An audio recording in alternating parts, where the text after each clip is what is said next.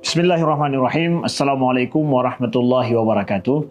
Alhamdulillah wassalat wasalli wasallim wa ala sayyidina Muhammad wa ala alihi wa sahbihi wasallim. Saudaraku yang dimuliakan Allah, rukun Islam adalah pilar paling penting bagi terjaganya agama ini. Rukun Islam bukan cuma bicara masalah hubungan kita dengan Allah, tapi juga bicara dengan hubungan kita dengan manusia. Islam menjaga ya, supaya kehidupan manusia ini lestari. Begitu juga Islam menjaga bagaimana supaya seorang hamba terhubung selalu dekat dengan Allah Subhanahu wa taala. Dua hubungan ini adalah bagian penting daripada Islam dan daripada rukun Islam. Nah, saudaraku yang dimuliakan Allah, di antara kebutuhan dalam kita menjaga hubungan kita sesama manusia, seiman, lagi hmm. itu adalah kebutuhan terhadap ma'aish pendukung-pendukung kehidupan terkhusus bagi mereka yang hidup dengan segala kebutuhan yang tidak mencukupi bagi mereka. Rukun Islam dalam hal ini bukan cuma salat yang menjaga hubungan dengan Allah semata, ya, tetapi juga adalah masalah menjaga dan mencukupi kebutuhan orang di sisi kita. Itu adalah zakat.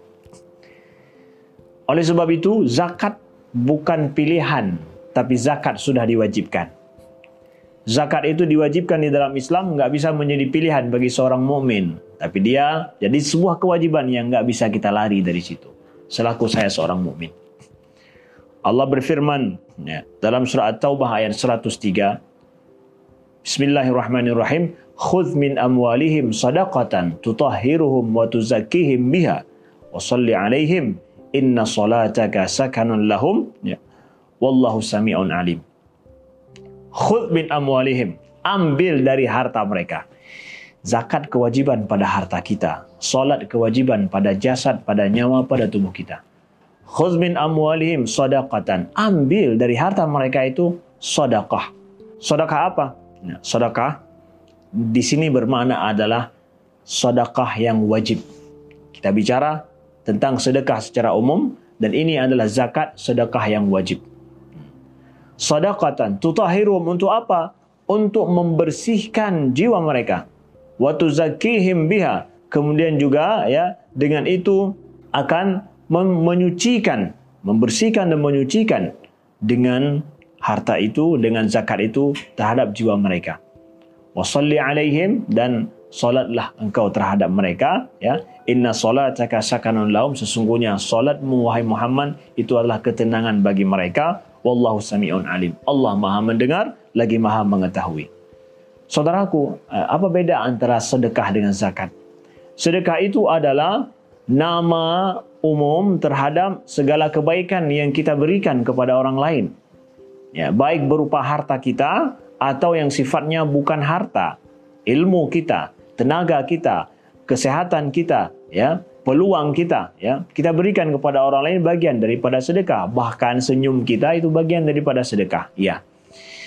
Tapi kalau zakat, zakat adalah merupakan sedekah yang wajib pada harta.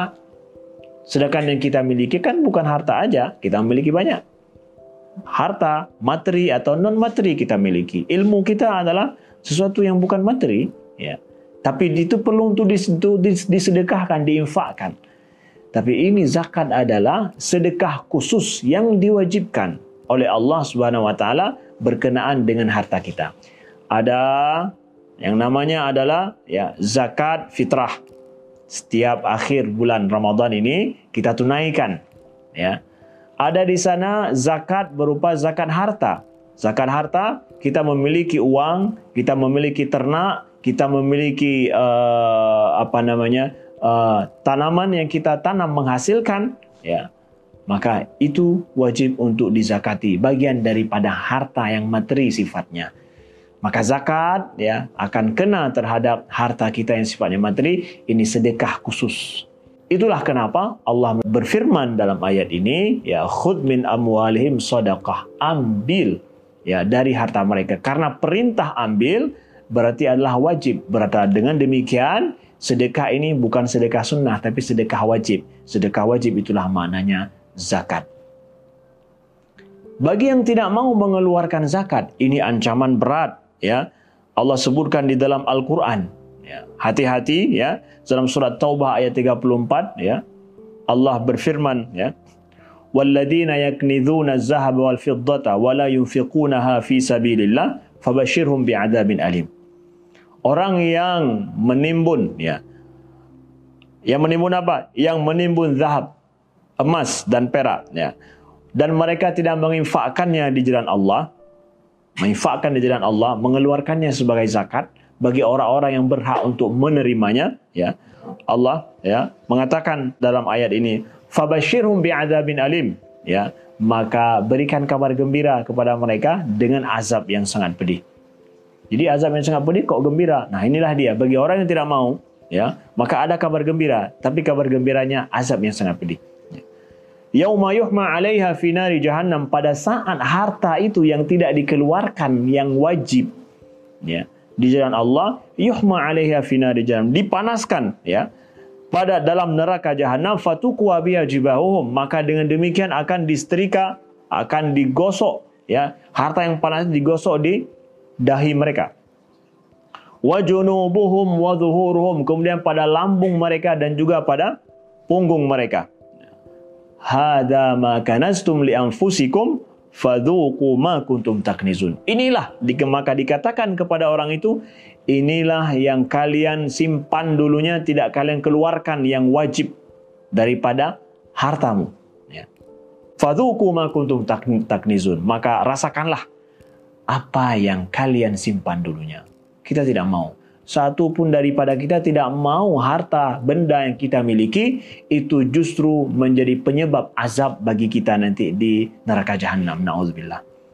Maka saudaraku yang dimuliakan Allah, ya, kalau zakat fitrah kita keluarkan setiap akhir daripada bulan suci Ramadan ini, ya, maka zakat harta kita kita keluarkan juga setiap tahun sesuai dengan ketentuan nisab yang berlaku dan perhitungan yang harus dihitung. Pada harta kita itu ada kewajiban ya bagi orang-orang yang membutuhkan yang telah difirmankan oleh Allah ada senif-senif khusus yang untuk mendapatkannya. Kewajiban solat, kewajiban pada nyawa kita, kewajiban zakat adalah kewajiban pada harta kita jangan pisahkan, jangan bedakan antara kewajiban zakat dengan kewajiban solat. Jangan bedakan kewajiban solat dengan kewajiban zakat sama semuanya. Karenanya Abu Bakar radhiyallahu anhu pada saat beliau menjabat sebagai khalifah, beliau memerangi orang yang memisahkan tidak menganggap sama kewajiban solat dengan kewajiban zakat. Tidak mau menunaikan zakat pada harta mereka diperangi oleh Abu Bakar. Termasuk perang pertama beliau lancarkan adalah perang memerangi orang yang tidak mau membayar zakat. Maka kalau seandainya hari ini ada di sana orang yang bersembunyi karena hartanya nggak di diaudit oleh negara ataupun nggak ditanyakan oleh ulama, nggak ditanya sama ini, dia menyembunyikan harta kekayaannya, nggak ada di sana yang paksa dia untuk beri zakat, maka saudara yang dimuliakan Allah, kita akan pertanggungjawabkan nanti pada hari akhirat. Allah akan menghisap semuanya.